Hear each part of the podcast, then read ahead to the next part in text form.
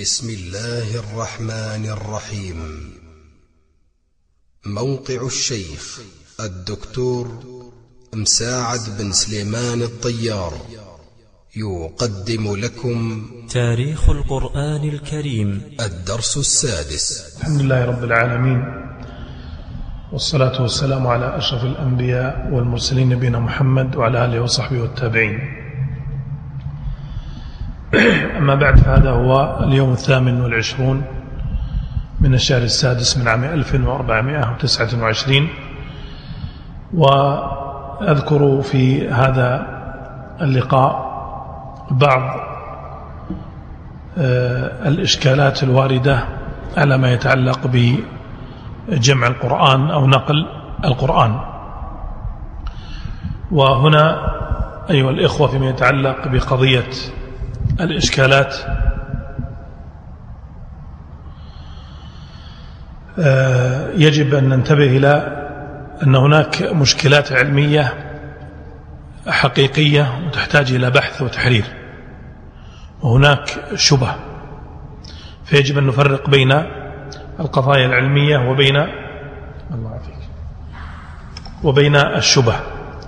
فليس كل ما يذكر في الكتب يعد من المشكلات العلمية. ولكن قد يأخذ كما ذكرت لكم سابقا في بداية هذه المحاضرات يعني قد يأخذ بعض المغرضين من المستشرقين أو من يخالفك في نقل القرآن من المسلمين أو بعض الملحدين أو بعض المنصرين يأخذ بعض هذه الآثار ويحتج بها على قضايا في نقل القرآن. وقد سبق أيضا ذكرت لكم أن مثل هذا في الغالب أنه إما أن يكون عدم فهم للنص فيكون فيه شبهة وإما أن يكون نص غير محتج به أصلا. يعني النص باطل لا يحتج به ليس من النصوص التي يحتج بها. ولهذا في مثل هذا المقام نحتاج إلى أن يكون الدرس درسا علميا لن أستطيع أن نستوعب كل ما يتعلق بهذه الأمثلة ونقاشاتها ولكني سأذكر بعض القضايا المرتبطة بها. وأرى أن هذا الموضوع في الحقيقة لا زال بحاجة إلى أقل شيء جمع وتحرير. لا أقول إنه ليس موجودا ليس محررا لكنه يحتاج إلى أن يكون مجموعا في مكان بحيث يستفاد منه مباشرة. لأنك إذا ذهبت تبحث عن مسألة من مسائل هذا الموضوع تفتش كثيرا حتى تصل إلى الرأي المحرر فيها. فلو كانت المجموعة كلها في مكان واحد لكانت الوصول إليها أيسر وأسرع. يعني على سبيل المثال في جمع أبي بكر ذكرنا أن زيدا لم يجد آخر آيتين من سورة البقرة. وليس معنى ذلك أنها غير موجودة مطلقا لكنها لم يجدها على الصفة التي أراد أن يجمع القرآن عليها. ثم نجد في جمع عثمان حديث آخر يشبه هذا الحديث ففيه إشكال في الجمع بينهما فإنه أيضا لم يجد آيتين مع أن القرآن كان مجموعا في عهد أبي بكر. فمثل هذه القضايا تحتاج إلى تحرير وهي آثار صحيحة وليست ضعيفة. فإذا أقول أنه في مثل هذا الموضوع يجب أن نفرق بين القضايا العلمية التي نحتاج بها إلى دراسة وتحرير وبين الشبه المعتمدة على فهم خاطئ أو على آثار باطلة على فهم خاطئ أو على آثار باطلة. وأقول أيضا إنه بما أننا نحن أصحاب الحق ولا نشك في هذا فإنه لا يضيرنا نقاش مثل هذه القضايا. وطرحها ومعالجتها. لأننا لا نشك أصلا في نقل القرآن. ليس عندنا في نقل القرآن أصلا أي شك. بل كما قلت لكم سابقا إن الشاهد يدل على ما بلغه هذا الكتاب من عناية فائقة جدا. لا يمكن أن تجدها لأي كتاب كان. لا من كتب اليهود ولا من كتب النصارى ولا من كتب أي أحد من البشر. وهذا لوحده شاهد بذلك. لو كان كما قلت لكم الأمر يرجع فيه إلى التحكم العقلي الصحيح. من الإشكالات التي ترد ويعني يطنطن حولها كثيرا من من يعترض على نقل القرآن آه، مسألة مصاحف الصحابة. مصاحف الصحابة. ومن المصادر التي ذكرت مصاحف الصحابة الكتاب الخطير في بابه وليس خطيرا من باب الخطر ولكنه صار عمدة لبعضهم وهو كتاب نبي داود المصاحف. كتاب المصاحف لابن أبي داود ذكر جملة من مصاحف الصحابة وبعض الفروق التي تخالف مصحف عثمان. هذه المصاحف التي ذكرها وكذلك ذكرها غيره وقد تجدون في كتب التفسير أحيانا. بعض من أراد أن يطعن في نقل القرآن اعتمد على شيء مما نسب إلى هذه المصاحف. من شيء مما نسب إلى هذه المصاحف. وهذه المصاحف قطعا هي موجودة بمعنى أن الآن ما يأتي واحد يشكك في وجود هذه المصاحف لا. هذه المصاحف نثبتها ونثبت أنها كانت موجودة فلا إشكال عندنا في وجودها. بل إننا نجزم بما نقل فيها مما هو مخالف للمصحف أو المصاحف التي أرسلها عثمان. لكن هل كيف نتعامل معها علميا؟ هذا هو محل الدرس اليوم. يعني كيف نتعامل مع هذه المنقولات في هذه المصاحف علميا؟ على الأسلوب العلمي الصحيح. وإلا الطاعن إذا رأى عقولا ضعيفة استطاع أن يشبه عليها بمثل هذا. فمن الأشياء التي يمكن أن يقع سؤال عنها أن هذه المصاحف اللي سميت مصاحف هل ذكر يعني هل ذكر في الآثار وجود مصحف كامل في الفترة ما بين أبي بكر الصديق وعثمان بن عفان؟ يعني هل في الآثار ما يثبت وجود مصحف كامل فيما بين فترة أبي بكر وعثمان؟ فيه صحف نعم وتسمى مصاحف نعم لكن هل هي كاملة أو لا هذا يحتاج إلى استدلال بدليل صحيح صريح في هذا. بدليل صحيح صريح. لأن كما قلت لكم سابقا أن المحفوظ أكثر من المرسوم. وأحب أن تنتبهوا لهذا لا يعني ذلك انعدام المرسوم أو انعدام الحاجة من المرسوم لا. وإلا لما كان من الرسول صلى الله عليه وسلم عناية بالتدوين. يعني لو كان المحفوظ هو المقصود فقط ما كان هناك عناية بالتدوين. فعناية النبي صلى الله عليه وسلم بالتدوين هذه إذن تقوية شيء بشيء. يعني المحفوظ يقوي المكتوب المكتوب يقوي المحفوظ. لكن الأصل هو ماذا؟ المحفوظ. الأصل هو المحفوظ. الآثار من خلال ما, ما ترد تأتي مجملة مصحف أبي مصحف آه، عبد الله بن مسعود مصحف زيد هكذا. لكنها لا تشير صراحة إلى اكتمال هذا المصحف. بل الأعجب وسيأتينا إن شاء الله إشارة إليه أن مصحف ابن مسعود لم يكن فيه الفاتحة ولا المعوذتين ولا المعوذتان. لم يكن فيه الفاتحة ولا المعوذتان وهذا يدل على أنه أو يشير إلى أنه لا يلزم أن تكون مصاحف الصحابة قد حوت جميع النازل. وإنما كانت تحوي شيئا من النازل على حسب اجتهاد الصحابي في جمع ما يجمع من القرآن. في جمع ما يجمع من القرآن. هذه المصاحف التي جمعها الصحابة وهي نقطة أخرى الآن إذا كانت بهذه المثابة. يعني الآن أثبتنا أنها موجودة هذه المصاحف. هل تصل أو هل يصل أحد من هذه المصاحف إلى قوة ثبوت مصحف أبي بكر الصديق أو مصحف عثمان أو مصاحف عثمان للمصاحف التي أرسلها عثمان؟ من جهة العقل.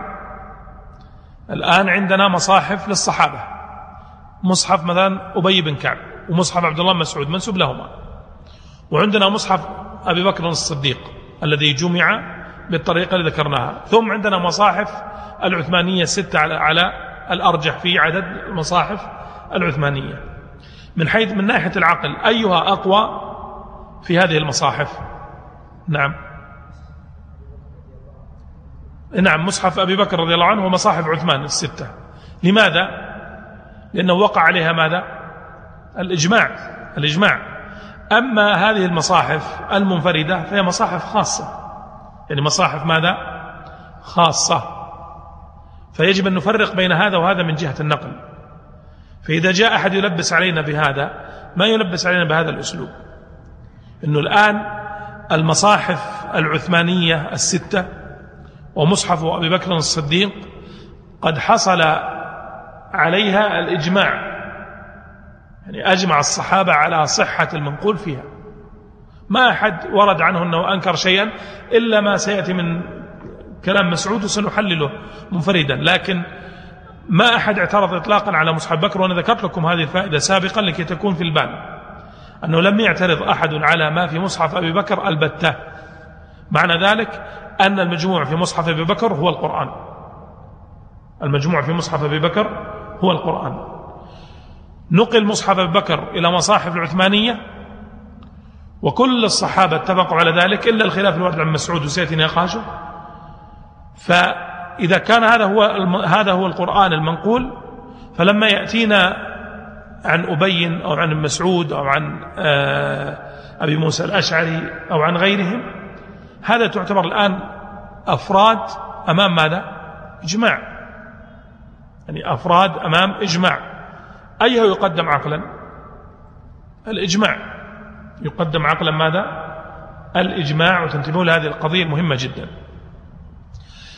قد يحتج عليك في هذه المسألة في قضية الإجماع وغيرها قد يحتج عليك النصراني بأن علماء النصرانية أجمعوا على الأناجيل الأربعة. فلماذا أنتم لا تعتبرون بها في النقل مثل ما تعتبرون بالقرآن. فيقال لمثل هذا الاعتراض أو مثل هذه الشبهة إن هذا الإجماع ليس كالإجماع الذي وقع القرآن إطلاقا. لماذا؟ لأن هذا الإجماع الذي وقع بعد قرابة 350 سنة من موت المسيح عليه السلام. وكان عدد الأناجيل في ذلك الوقت فوق المئة إنجيل. وأخذ هذا المجمع اللي هو مجمع نيقية المشهور أخذ ما يتوافق مع العقيدة التي يعتقدها الوثنيون الذين تنصروا. ولم يؤخذ بالأغلبية وإنما أخذ بالقوة وهذا مشهور في تاريخ مجمع نيقية هذا. ثم إنهم بعد ذلك لاحقوا الموحدين وقتلوهم في الأرض وأفنوا كل الأناجيل الأخرى. يعني هم حرقوا الأناجيل وقتلوا من لا يؤمن بالتثليث فإذا هذا تاريخ مسهد موجود. لا يوجد إنجيل يمكن أن يثبت أنه كتب في عهد أتباع عيسى عليه السلام مباشرين. كل اللي يقال هو مجرد ظن في أن يكون من تلاميذ عيسى. وإلا الأناجيل التي التي كتبت وهي الأنجيل الموجودة هذه فكلها كتبت بعد موت عيسى أقربها بسبعين سنة. المقصد من هذا أنه يجب أن نأخذ الفرق الكبير جدا بين عناية الصحابة رضي الله عنهم الذي نزل بشأن القرآن بين بين أظهرهم والفترة التي جمعوا فيها القرآن يعني فترة كم؟ سنة واحدة يعني مات الرسول صلى الله عليه وسلم بعد سنة جمع القرآن. ليس بعد ما مات جيل الصحابة لا هم نفسهم الذين جمعوا. فهذا يعطي هذا الجمع قوة عقلية لو لم يؤمن الشخص بماذا؟ بصحة النقل على الأقل. إذا كنا بنحتج بقضية العقل. ثم بعد ذلك الجمع الثاني ما زال الصحابة متوافرون. وقراء الصحابة يعني اللي هم المتخصصون بالإقراء ما زالوا على قيد الحياة في عهد عثمان. وقد رأوا ما فعل عثمان ووافقوا عثمان من أكبرهم علي بن أبي طالب رضي الله عنه الخليفة الرابع. وقد وافق على هذا. وافق على هذا الجمع. وافق عليه أبو موسى الأشعري أبو الدرداء. كبار قراء الصحابة لم يخالفوا في هذا اطلاقا بل رأوه من مناقب عثمان بن عفان. فاذا لماذا مثل هذا الذي هو في الحقيقة يعتبر عملا ايجابيا ينظر إليه بسلبية؟ لأننا نحن أحيانا لا نعرف الحق الذي عندنا وقوة هذا الحق الذي عندنا. وكما قلت لكم نجتهد في أن نتجرد من التخيل الذهني الذي يقع منا فيما نشاهده اليوم إلى تخيل ما كان عليه وقت الصحابة رضي الله عنهم. فسنجد أن هذا الجمع لو تأملناه وكنا في مكانهم أن سنجد أننا لا يمكن أن نجمع بأحسن مما جمعوا. بمعنى أنك فكر الآن في طريقة الجمع هذه التي جمعت. هل ستجد طريقة أمثل مما جمع به الصحابة رضي الله عنهم؟ فكر وتأمل. أدوات بين يديك متناثرة؟ عدد من كبار قراء الصحابة موجودون؟ كاتب الوحي الخاص موجود؟ ابدأ اجمع هذه المعطيات وانظر ماذا تستطيع أن تفعل. فإذا إذا تأملنا مثل هذا نجد أن العناية التامة التي وقعت في جمع المصحف لا يوازيها عناية. وأما مصاحف الصحابة الخاصة فهي خاصة. يعني مصحف خاص. زيد عنده مصحف خاص أبو موسى الأشعري عنده مصحف خاص آه، أبو الدرداء عنده مصحف خاص. هذه مصاحف خاصة منفردة. الآن ننتقل إذا كانت الآن بهذه ننتقل إلى قضية فيما لو تعارض وهذا يقع أو لو جاء زيادة. ما نقول تعارض لو جاء زيادة في المصاحف الخاصة مع المصحف الإمام أو مصاحف الإمام اللي هي الستة. أيها يقدم عقلا يقدم مصحف الإمام لأنه عليه الإجماع. لأنه عليه ماذا؟ الإجماع. إذن الآن من باب العقل أنه إذا ورد لأن لا ليس المقصود الآن أن نجمع انتبهوا هذه مسألة مهمة جدا. ليس المقصود عند الصحابة أن يجمعوا كل ما قرئ على النبي أو قرأه النبي صلى الله عليه وسلم. المقصود أن يجمعوا ما ثبت في العرض الأخيرة. يعني المقصود الآن جمع ما ثبت في العرضة الأخيرة. جمع ما بقي قرآنا. فما دام الآن هذا هو المقصود فإذا وجدنا في مصاحف الصحابة زيادات ليست موجودة في المصحف العثماني فمعنى هذا أنها مما ترك في العرض الأخيرة وسنأتي إليه. إذا لا يعارض المصحف الإمام يقدم عليه المصحف الإمام وقصدي المصحف الإمام اللي هي المصاحف الستة التي أرسلها عثمان وأبقى عنده واحدا. في هذه القضية قضية المصحف الإمام وقضية المصاحف التي يوجد فيها خلافات يرد سؤال هذه الخلافات ما تخريجها؟ يعني هذه الخلافات ما تخريجها؟ بعض العلماء يذهب إلى تخريج وهو أن يقول إن هذه القراءات قراءات تفسيرية. كيف قراءات تفسيرية؟ مثل فصيام ثلاثة أيام متتابعات. يقول هذه قراءة تفسيرية. طيب؟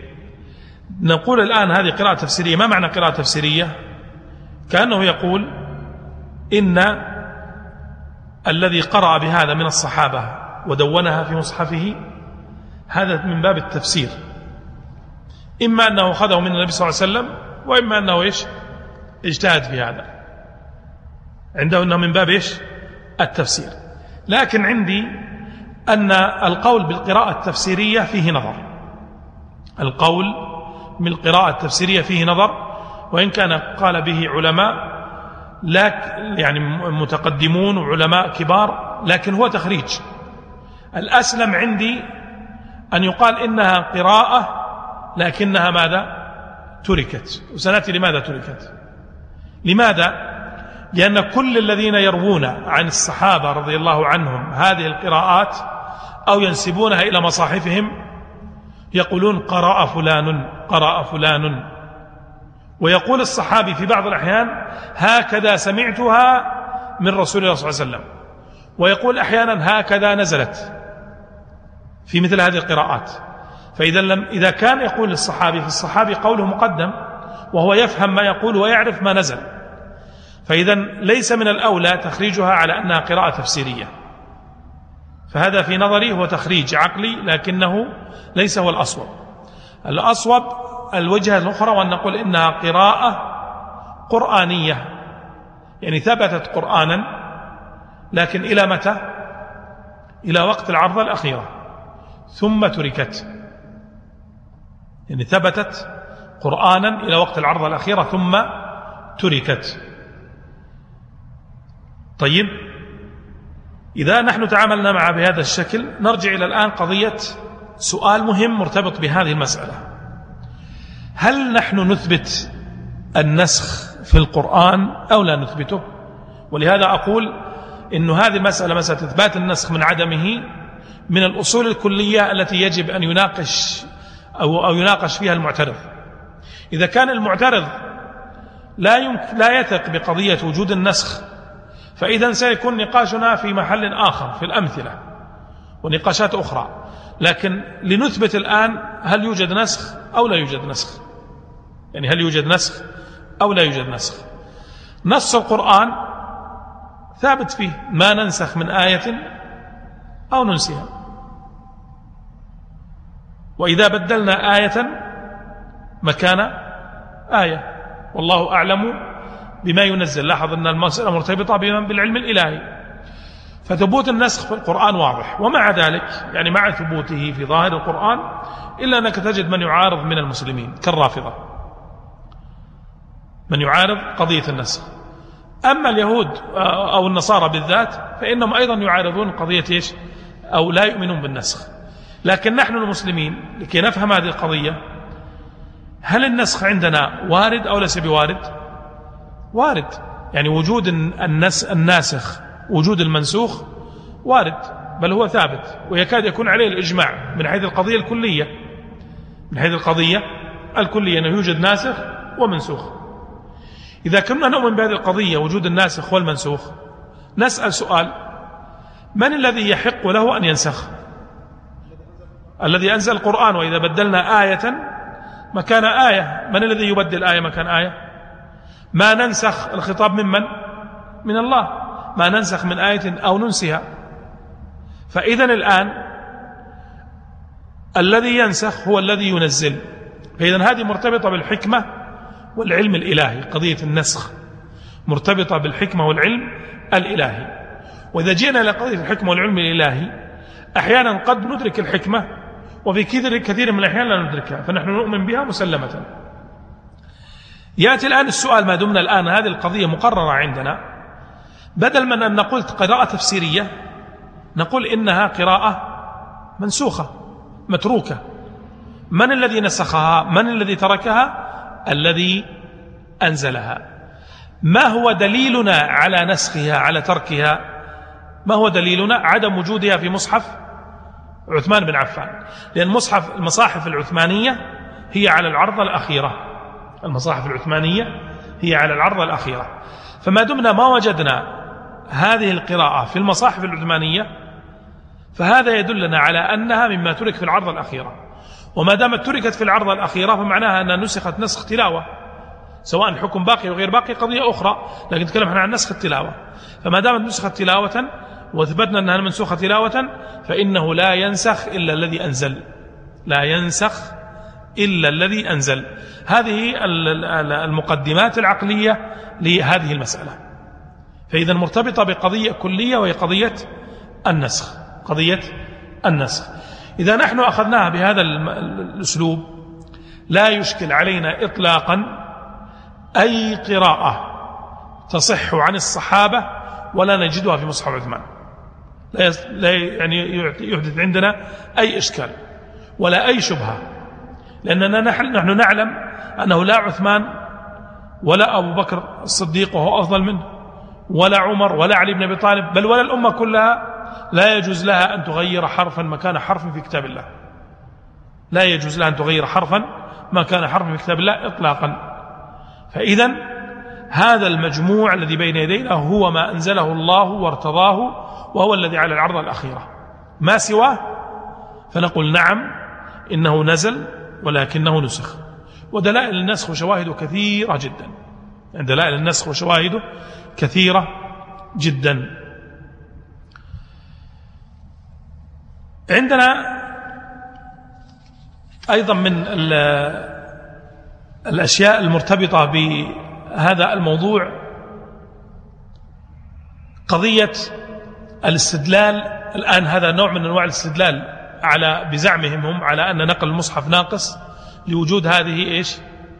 القراءات في هذه المصاحف. بل إن بعض المستشرقين من باب الفائدة دعا أن يوضع حاشية على المصحف بإثبات القراءات التي وجدت في مخطوطات قديمة فيما زعموا في صنعاء ويضعونها حاشية على المصحف. عندهم هم لكي يستفيدوا منها. هم يستفيدون لأجل إيش؟ الطعن وليس لأجل الاستفادة العلمية. أنا سنأتي الآن كيف نستفيد علميا من هذه. فلكي يستفيدوا منها بزعمهم في قضية الطعن في نقل القرآن. ولا شك أن دائما تأخذون قاعدة أن العدو لو وجد خيطا رقيقا يستطيع أن ينفذ منه لنفذ منه. فما تستغربون مثل هذا العمل منهم. حتى ولو ادعى بعضهم الحيادية في هذا العمل فإنه لا قيمة لهذا العمل. يعني ما هي القيمة ما هي النتيجة من هذا العمل؟ هل سيتغير المصحف عندنا؟ هل سنستطيع نحن أن نغير شيء مما بين أيدينا المصحف؟ لن يحصل هذا. فإذا الفائدة العلمية منه ليست في هذا في قضية أخرى سنأتي ونناقشها إن شاء الله. يعني ما الذي استفاده العلماء من هذه القراءات؟ وهو المثبت في كتب المسلمين جيلا بعد جيل. مما استدلوا أو أو استغلوا آه، هذا الترتيب. أو أيضا بعض العلماء استفاد منه يعني لكي لا يكون هناك نوع من ذا يعني هؤلاء استفادوا منه بجانب سلبي جدا وبعض العلماء استفاد من قضية مصاحف الصحابة بأمر آخر وهو ما يتعلق بترتيب القرآن.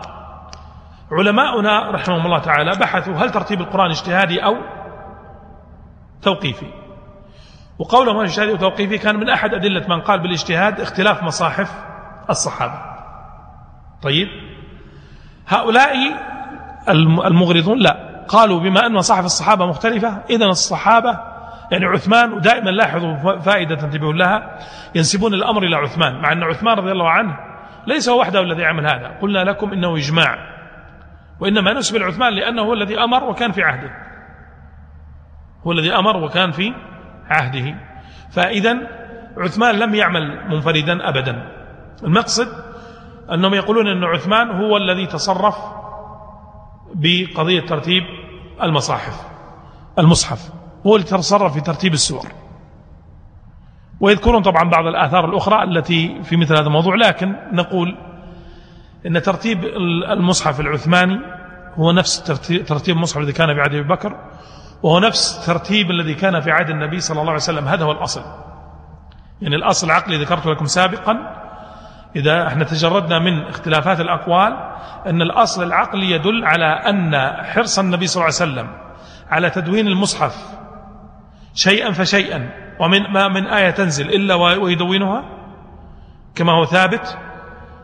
فإن عنايته صلى الله عليه وسلم بالمصحف كاملا وبعرض وهو يعرضه على على أيضا جبريل ويعرف ترتيب هذه السور لا يتصور أن أن يخل بهذا. وإنما الصحيح الذي يدل عليه العقل فضلا عن كما قلت لكم جملة من الآثار أن الترتيب هذا كان في عهد النبي صلى الله عليه وسلم وكانت عناية النبي صلى الله عليه وسلم به خاصة ومباشرة ثم انتقل إلى عهد أبي بكر ثم إلى عهد عثمان لم يغيروا شيئا. لم يغيروا شيئا.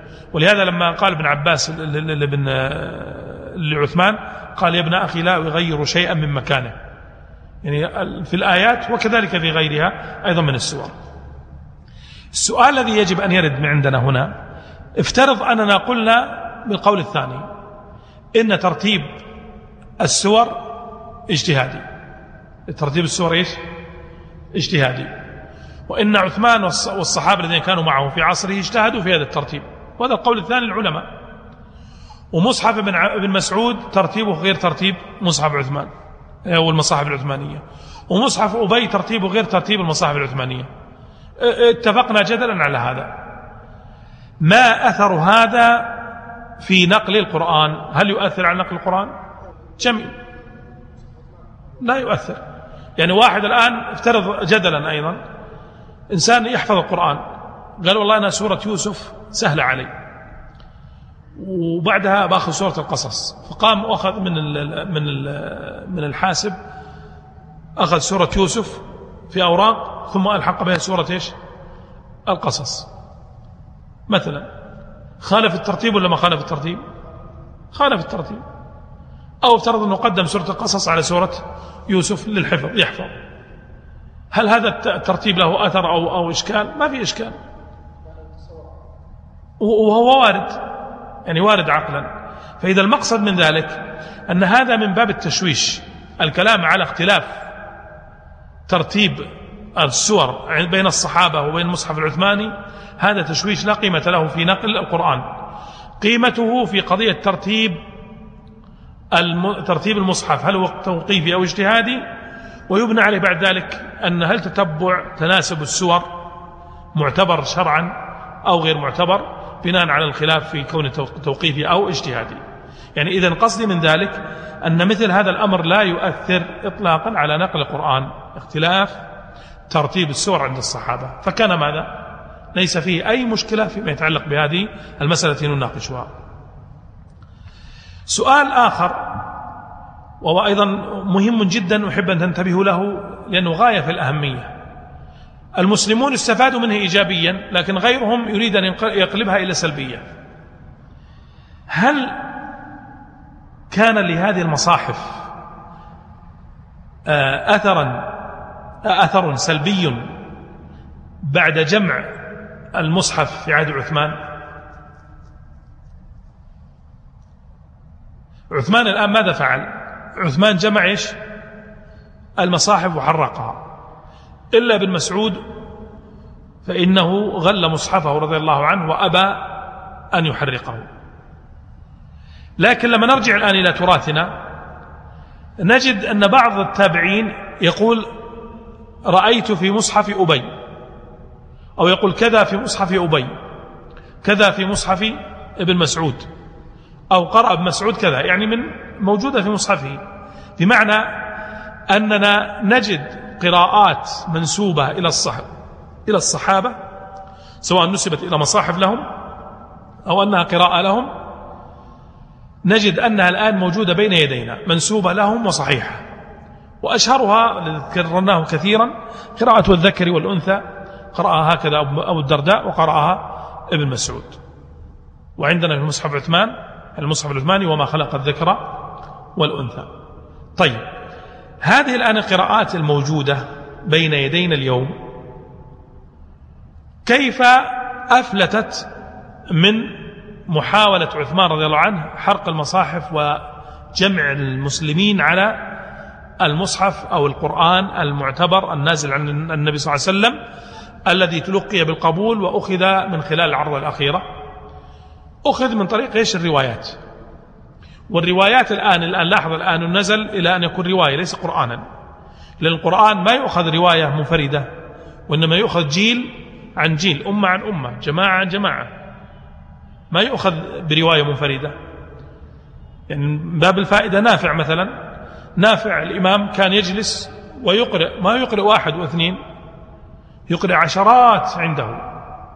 والذين سمعوا قراءته ألوف ولا أحد استنكر من قراءة نافع أي شيء. وسنأتي إن شاء الله إليها لما نتكلم عن القراءات وطرائق الاختيار. لكن المقصد هنا أن ننتبه إلى هذه الحيثية أن النقل اختلف. إذا رجعتم إلى أي قراءة من هذه القراءات المنسوبة لمصاحف الصحابة أو للصحابة ليست موجودة في مصحف عثمان؟ حتى منسوبة أحيانا للنبي ولذا قراءة النبي صلى الله عليه وسلم. سواء كانت قراءة هي التي ثبتت في العرض الأخيرة أو قراءة لم تثبت في العرض الأخيرة تركت. تجد أن كلها روايات أفراد. يعني أحادية. روايات مفردة. روايات ماذا؟ مفردة. فإذا ننتبه إلى أن مع حرص عثمان رضي الله عنه ومن معه من الصحابة حرصهم على حرق المصاحف إلا أنه بقي أفراد من هذه الروايات عندنا اليوم إلى اليوم موجودة. وهي التي حاول يدخل منها الطاعنون في مثل هذه الأمور ذكرتها لكم. لكن نسأل السؤال المهم. هذه الروايات الآن بين يدينا. هل وجدنا لهذه الروايات أي أثر سلبي على تفسير القرآن على القرآن نقل القرآن عند العلماء عند المسلمين؟ هل هناك أي أثر سلبي؟ هم؟ نعم هو الأثر حقيقة إيجابي سنأتي إليه لكن الآن لا يوجد أثر سلبي. هل رأيتم أحدا من المسلمين من علماء المسلمين توقف في قراءة آية قال والله لأني قرأت في صحيح البخاري والذكر والأنثى. إذا أنا أتوقف هنا وأشك في النقل في وما خلق الذكر والأنثى ما أحد فعل هذا. بمعنى أنه صار إجماع أمة بعد أمة أمة بعد أمة ثم علماء أو, أو العلم في الإسلام لا ينكره الخصم إلا مكابرة. يعني تحرير علماء المسلمين وحرصهم ودقتهم على المسائل العلمية ليس على نقل القرآن لا ينكره الخصم. فكيف إذا كان فيما يتعلق بأعز وأغلى ما يملكون؟ وهو القرآن. فإذا لا يتصور البتة لا يتصور عاقل يجرد عقله في مثل المسألة. لا يتصور أن هذه القراءات المنسوبة للصحابة لها أي أثر على نقل القرآن ولا كان لها أي أثر. أقرب أقرب من كان يمكن أن تكون يكون لها أثر عليه من هم؟ أصحاب من؟ أصحاب ابن مسعود. أصحاب ابن مسعود لم يوافقه أحد منهم على رأيه في في مسألة نقل في مسألة القرآن الاستثاث بعد قليل. يأتينا نقاشه إن شاء الله.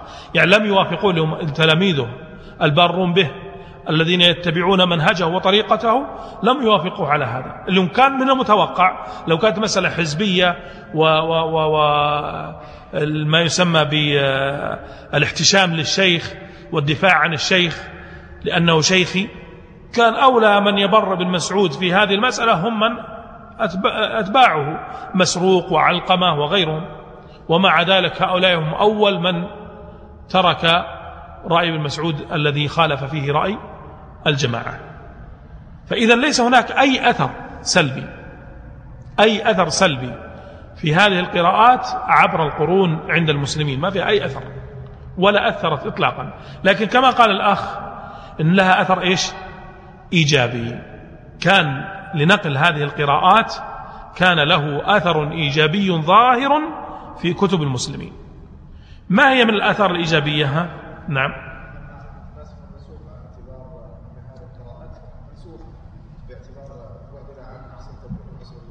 الاستفادة منها في الناسخ والمنسوخ. لما الآن نقرأ في كتب الناسخ والمنسوخ ما نأخذ ما نسخ تلاوة وحكما؟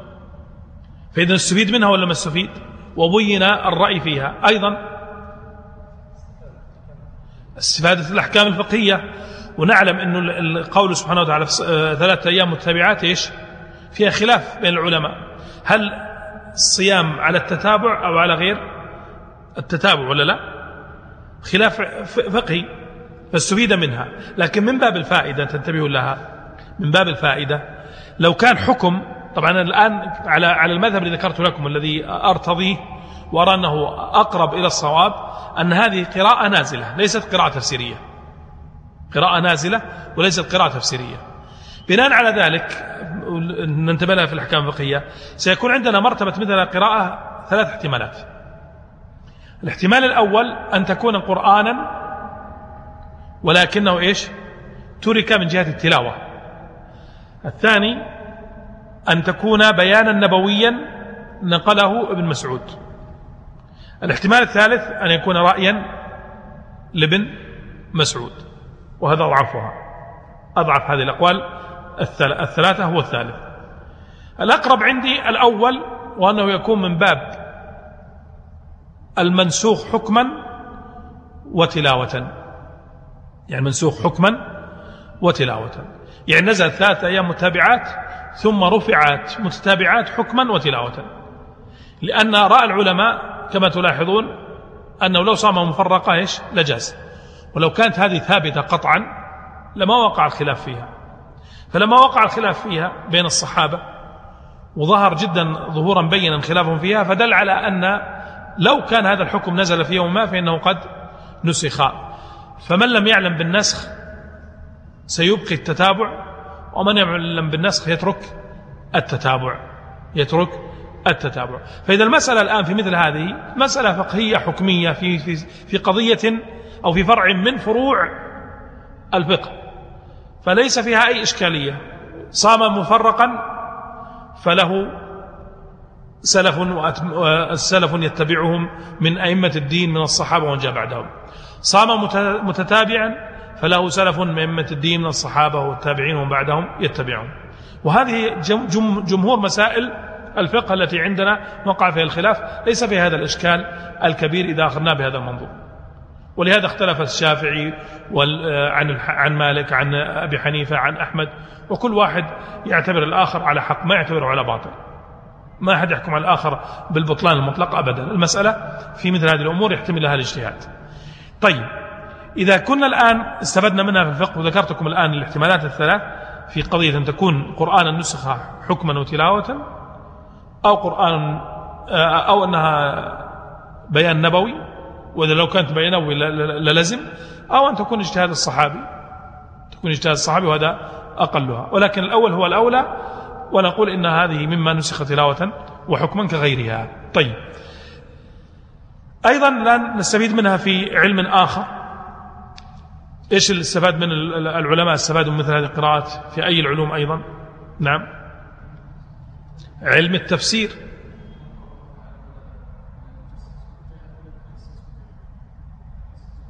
أحسنت يعني علم التفسير استفيد منها في علم التفسير في بيان بعض المعاني بل أحيانا في ترجيح بعض المعاني على بعض ترجيح بعض المعاني على بعض وهذا وارد كثير جدا في كتب التفسير. أيضا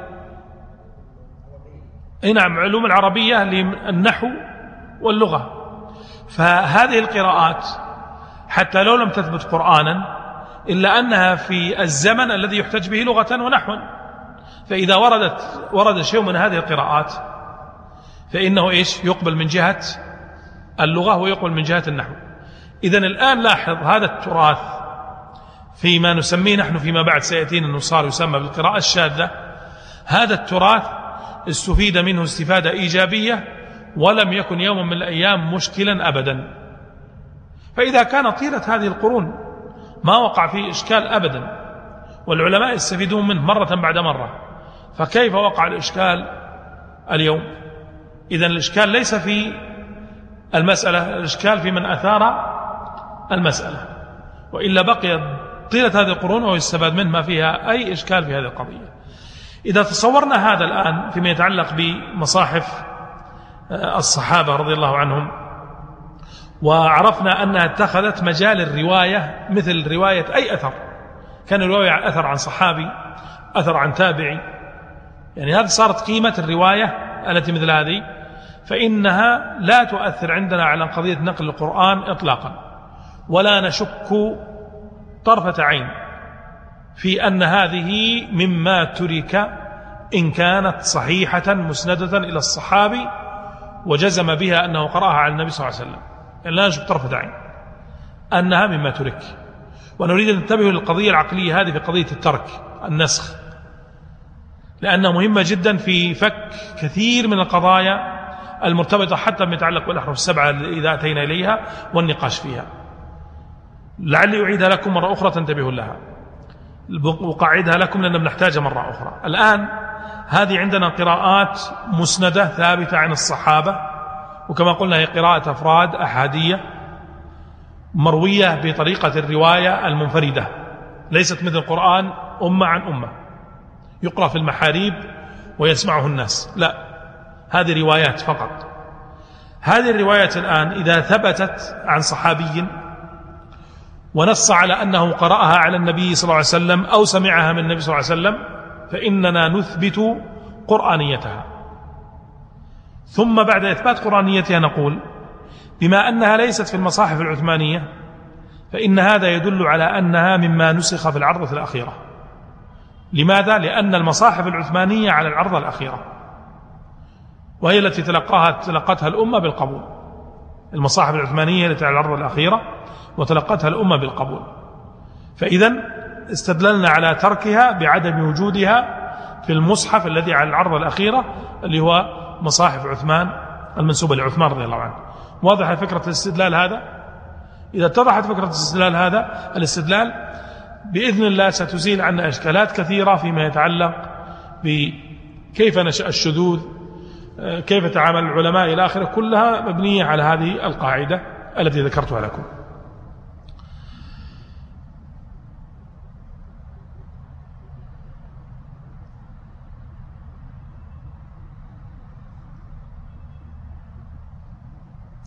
نعود إلى مسألة أيضا متعلقة بالمصاحف وهي مرتبطة أيضا بقضية التاريخ كما آه، نبهتكم إلى الرجوع إليها. وهي مرتبطة الآن بقضية الإقراء والمصحف. الإقراء والمصحف يعني التلقي من خلال القراءة والعرض وقضية المصحف. هل إلى فترة عثمان رضي الله عنه هل كانت المصاحف منتشرة ومشتهرة. كثيرة يعني. لا هو الذي حرق الآن لما نقول هي مشتهرة نعم منتشرة نعم مشتهرة مع لكن قصدي هل هي كانت كثيرة؟ أعيد السؤال معليش. ما دام بعد احتججت علي بهذا أعيد السؤال. يعني هل كانت كثيرة؟ يعني هل نتصور مثلا أن كل مقابل المصحف الكامل يعني المصحف كامل مقابل كم من الصحابة؟ جمع كبير جدا من الصحابة. كبير مد عارض للسكون ناخذه بست حركات للدلالة على الكثرة. يعني جمع كبير. الجمع الكبير هذا لا يمكن يقرأ المصحف لو لو جمعوا كلهم على يقرأوا في المصحف كاملا ما استطاعوا جميعا. فإذا الذي يريد أن ننتبه له إن الاعتماد على المصاحف الاعتماد على المصاحف أقل من الاعتماد على التلقي. لكن لا يعني هذا أن المتلقى غير اللي في المصحف. ما يأتي واحد يفهم أن المتلقى غير الذي في المصحف. لا المتلقى هو اللي في المصحف. المصحف ضبط لنا المتلقى فإذا كان كذلك أي شبهة ترد فيما يتعلق برسم المصحف فهي مردودة. أي شبهة ترد فيما يتعلق برسم المصحف من هذه الجهة فهي مردودة. لأن العمدة الآن هي في المقروء المحفوظ. وليست في المرسوم. لاحظ الآن فيما يتعلق بالمصاحف يأتي اعتراض للمصاحف العثمانية يأتي, يأتي اعتراض تبع بعد ما تكلمنا عن مصاحف الصحابة بيتينا اعتراض أنه قد يكون هناك اختلاف في الرسم بين المصاحف بين بعض هذه المصاحف والمصحف العثماني. يعني اختلاف في المصاحف الرسم. أو يأتي بعضهم يقول إن هناك إخطاء إملائية. أو يأتي آخر يقول إن المصاحف العثمانية ليس فيها نقد. فإذا قرأوا فإنهم يقرؤون إيش؟ حسب لا حسب لا حسب رأيهم حسب ما اتفق عندهم. هذا هذا كلام آه، جولد سيهر ونولدكا يعني من كبار المستشرقين وغيرهم. هم كذا يفهمون. فإحنا عشان نرد هذه الشبهة لأجل نرد هذه الشبهة نقول لهم أصلا, أصلا هذا الجيل ما كان يعتمد المصحف أصلا. المحفوظ هو المعتمد أكثر. المحفوظ هو المعتمد أكثر.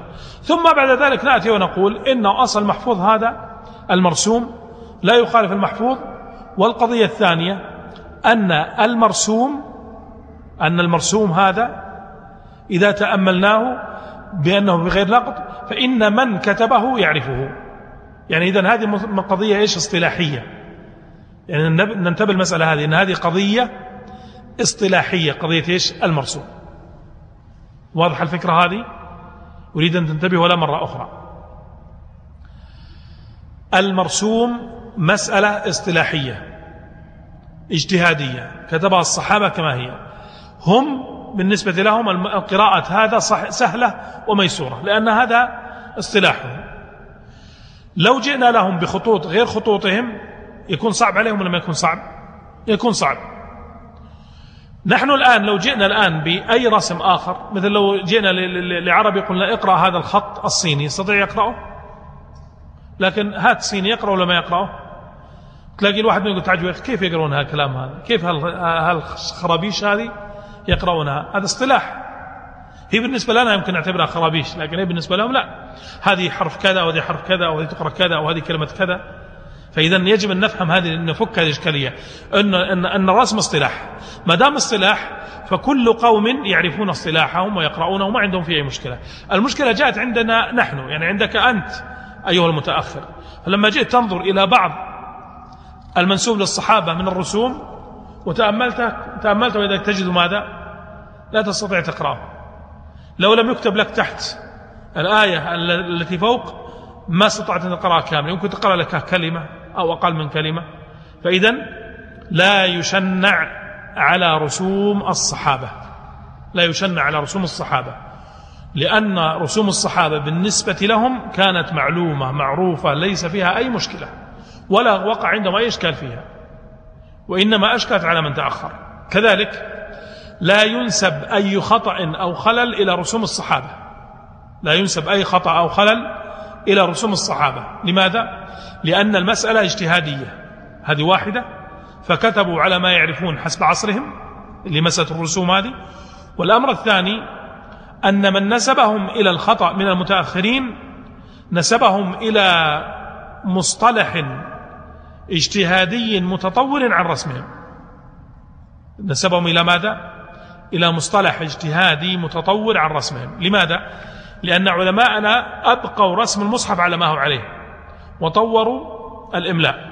فصار عندنا من باب الاصطلاح نقول الرسم العثماني والرسم إيش؟ الإملائي. مع أنه في يوم من الأيام كان الرسم العثماني, العثماني هو الرسم الإملائي المجتهد. يعني الرسم العثماني كان هو نفس الرسم الإملائي المشتهر يعني لو, لو أنتم رجعتم في الذاكرة يوم كان الصحابة يكتبون هل كتبوا المصحف العثماني برسم وكانوا يكتبون كلامهم الآخر برسم آخر نقول لا هو نفسه. والدليل على ذلك أن الوثائق الموجودة التي وجدت الآن حتى إلى إلى إلى بداية القرن إلى بداية المئة مما كتب نجد أنها كتبت كما يكتب المصحف. طريقتهم في الكتابة واحدة لم تتغير. طريقتهم في الكتابة واحدة لم تتغير. زاد فقط زاد فقط في نهاية عهد الصحابة قضية الضبط آه، اللي هو آسف اللي قضية النقط والشكل. آسف قضية النقط بالذات. اللي هو نقط أبي الأسود الدؤلي ونقط نصر آه، بن آه، عاصم بن نصر أو نصر بن عاصم ويحيى بن يعمر. وهذه إن قدر الله لعلنا نشير إليه. لكن قصدي من ذلك أن ننتبه إلى أن الصحابة لم يكن عندهم إشكال في المقروء أبدا وكل من خطأ رسمهم ممن جاء بعدهم فهو في الحقيقة يخطئ ماذا؟ يخطئ الرسم إلى مصطلح حدث بعده. وهذه قاعدة كلية علمية ذكرناها سابقا وقلناها أن تخطئة أي مسألة علمية أي منهج علمي على منهج آخر معاصر فإنه يدل على خلل في طريقة التخطئة. لابد أن نراجع حساباتنا. وذكرنا هذا في في محاضرات كثيرة لكن المقصد الآن ننتبه إلى هذه المسألة وهي مسألة مهمة جدا فيما يتعلق بالرسم ولعل تأتي إن شاء الله إشارة إليها في المسألة الثانية وهو سؤال أيضا مهم جدا هل ترك الصحابة شيئا من القرآن أو من وجوه القرآن لم يكتبوه؟ يعني لم لم لم يكتبوه أو يقرأوا به؟ إي نعم. الآن هذا هذا هو الأصل. يعني الآن لا أريد أن أقول هل ترك عثمان لأن عثمان كما قلت لكم هو في الحقيقة مشرف على العمل يعني كان الخليفة وإلا الذين كانوا يكتبون من الصحابة هم زيد واللجنة الأربعة اللي معهم وكان الصحابة كلهم حولهم متوافرون. ووزعت المصاحف في الأمصار وقرئت في الأمصار وقرأ الصحابة هناك. ما ذكر, ما ذكر مثال واحد يدل على أن الصحابة استشكلوا هذه الأشياء أو خطأوها. والتخطيئات التي سنريدها الآن سنناقشها لبعض تخطيئات الصحابة موجهة ومحتملة ما فيها إشكال. لكن ما في كثرة كاثرة اللي خطأ فلان فلان فلان فقط. أما يأتي جمهور الصحابة يخطئون عمل معين ما وقع. يعني وجود تخطئة فلان وفلان هذا أمر سهل سنناقشه. لكن قصدي أنه ما ما أثبت أحد أنه وقع آه، خلاف كبير. يعني جمهور مع جمهور. بعض الصحابة ذهبوا كذا وبعض الصحابة ذهبوا إلى كذا. ما فيه أنه خطأوا شيء مما فعله عثمان أو في المرسوم العثماني أبدا. لكن عائشة تقول أخطأ الكاتب. عثمان يقول إن فيه لحنا ستقيمه العرب بأساتها. هذا له تخريجات. ولكن لاحظ أنها أقوال من؟ أفراد. فأنا أريد اللي أريد أن ننتبه له أنه لا يوجد قول جمهور مع مع مع جمهور. قليل مع كثير. أفراد مع جماعات هذا الآن. يعني لاحظ أفراد مع جماعات. وكما قلنا القاعدة أنه الجماعة مقدمة على الفرد يعني الإجماع مقدم على قول الواحد أنه الواحد هذا معنى أنه هو الذي خالف. وسنأتي إن شاء الله تخريج هذا. طيب إذا كنا نأخذ بهذه المقدمة العقلية واضح من جواب السؤال أن عثمان رضي الله عنه والصحابة الذين معهم معه رضي الله عنهم لم يتركوا شيئا من القرآن ولا من وجوه القرآن. هذا هذا هو الأصل. لماذا؟ لأننا نقول هل القرآن ووجوه القرآن يعني هذه القراءات المتنوعة وجوه القرآن. هل هي من القرآن أو ليست من القرآن؟ هي من القرآن. ما دامت من القرآن فيدخلها نقل القرآن تماما. يدخلها نقل القرآن تماما. فإذا لا يوجد شيء من القرآن تركه عثمان قطعا ولا الصحابة قطعا قطعا. هذا بلا خلاف. وكذلك وجوه القراءات تلحق به لأنه لا يمكن لأحد منهم أن يترك شيئا من وجوه القراءات إذا كانت قرآنا. إذا أثبت أنها قرآن فهي دخلت ضمن هذا المحيط في أنها قد جمعت. أنها قد جمعت. سنأتي الآن إلى مسألة مرتبطة بهذا وهي إذا كان عثمان جمع وجوه الوجوه الوجوه كلها فكيف عمل في هذه الوجوه؟ نقول الوجوه الآن على قسمين. وجوه يمكن كتابتها ووجوه لا يمكن كتابتها. وجوه يمكن كتابتها ووجوه لا يمكن كتابتها. إيش الوجوه اللي يمكن كتابتها؟ اللي مثل تجري من تحتها تجري تحتها. هذه يمكن كتابتها. وصى وأوصى. سارعوا وسارعوا وموضع الغيب بضنين بضنين. هذه وجوه يمكن إيش؟ كتابتها وتفريقها في المصحف أو في المصاحف. كيف كانت طريقته طريقة الصحابة في كتابتها؟ فيما يمكن كتابته. لهم ثلاثة ثلاث طرق. بالاستقراء ممكن نقسمها إلى طرق ثلاث الطريق الأول نشرها في المصاحف. يعني يجعلون في مصحف وصى وفي مصحف آخر أوصى. على حسب طبعا هل في جميع المصاحف مصحف واحد المهم مقصد أنه يتوزع بين المصاحف. إذا توزيعها بين المصاحف. الوجه الثاني توزيع الخلاف في المقروء في مصحف واحد. طبعا الأول واضح مثل وصى وأوصى وغيرها. توزيع الخلاف المقروء في مصحف واحد مثل إبراهيم وإبراهام. يعني قراءة إبراهيم وإبراهام في مصحف واحد نجدها. في مصحف واحد كتبت إبراهام وإبراهيم في مصحف واحد. هذا إشارة إلى خلاف في مصحف واحد. الثاني الثالث أن يختاروا أحد أوجه الرسم ويتركوا الأوجه الأخرى للإقراء. وهذه قد ينازع فيها منازع بل أنا لا أشك أنه قد يقع فيها نزاع لكن أقول إن إن إن إننا إذا نظرنا إلى ما رسمه الصحابة رضي الله عنهم في مصاحفهم سنجد عندنا ثلاث أمثلة واضحة جدا وإن كانت عند بعضهم قليلة لكن نقول هي معتبرة لأنه كان في قدرة أن يفعلوا هذا وتركوه يعني كان في قدرة أن يفعلوا وتركوا فكونهم يتركون في أكثر من مثال فدل على أنهم لا يريدون دائما النوع الأول اللي هو التوزيع. هم يوزعون أحيانا ويتركون أحيانا. ولاحظ أن الذي وزعوه في الغالب مرتبط باختلاف حرف أو اختلاف أو زيادة ونقص أما إذا اشتبهت الصورة يعني تقاربت الصورة فإنهم يتركونه في تقارب. واللي سماه العلماء من بعد احتمالا وزادوا في مسألة الاحتمال قالوا أن يوافق الرسم العثماني ولو احتمالا. هذا النوع أمثلته الصراط فقد أجمعت جميع المصاحف على كتابتها بالصاد وقرئت بالسين. لأهب كتبت بالهمزة وقرئت بالياء. ليهب. آه أيضا وما هو على غيب بضنين بالضاد كتبت في جميع المصاحف وقرئت بالضاء. وهذه الأمثلة ترجعنا إلى القاعدة ذكرتها لكم أن القراءة قاضية على الرسم فيما لو ظن التعارض وهنا لا تعارض. لكن ما يأتي واحد يقول جميع المصاحف بضنين من أين جئتم إذا بضنين؟ ولا لا؟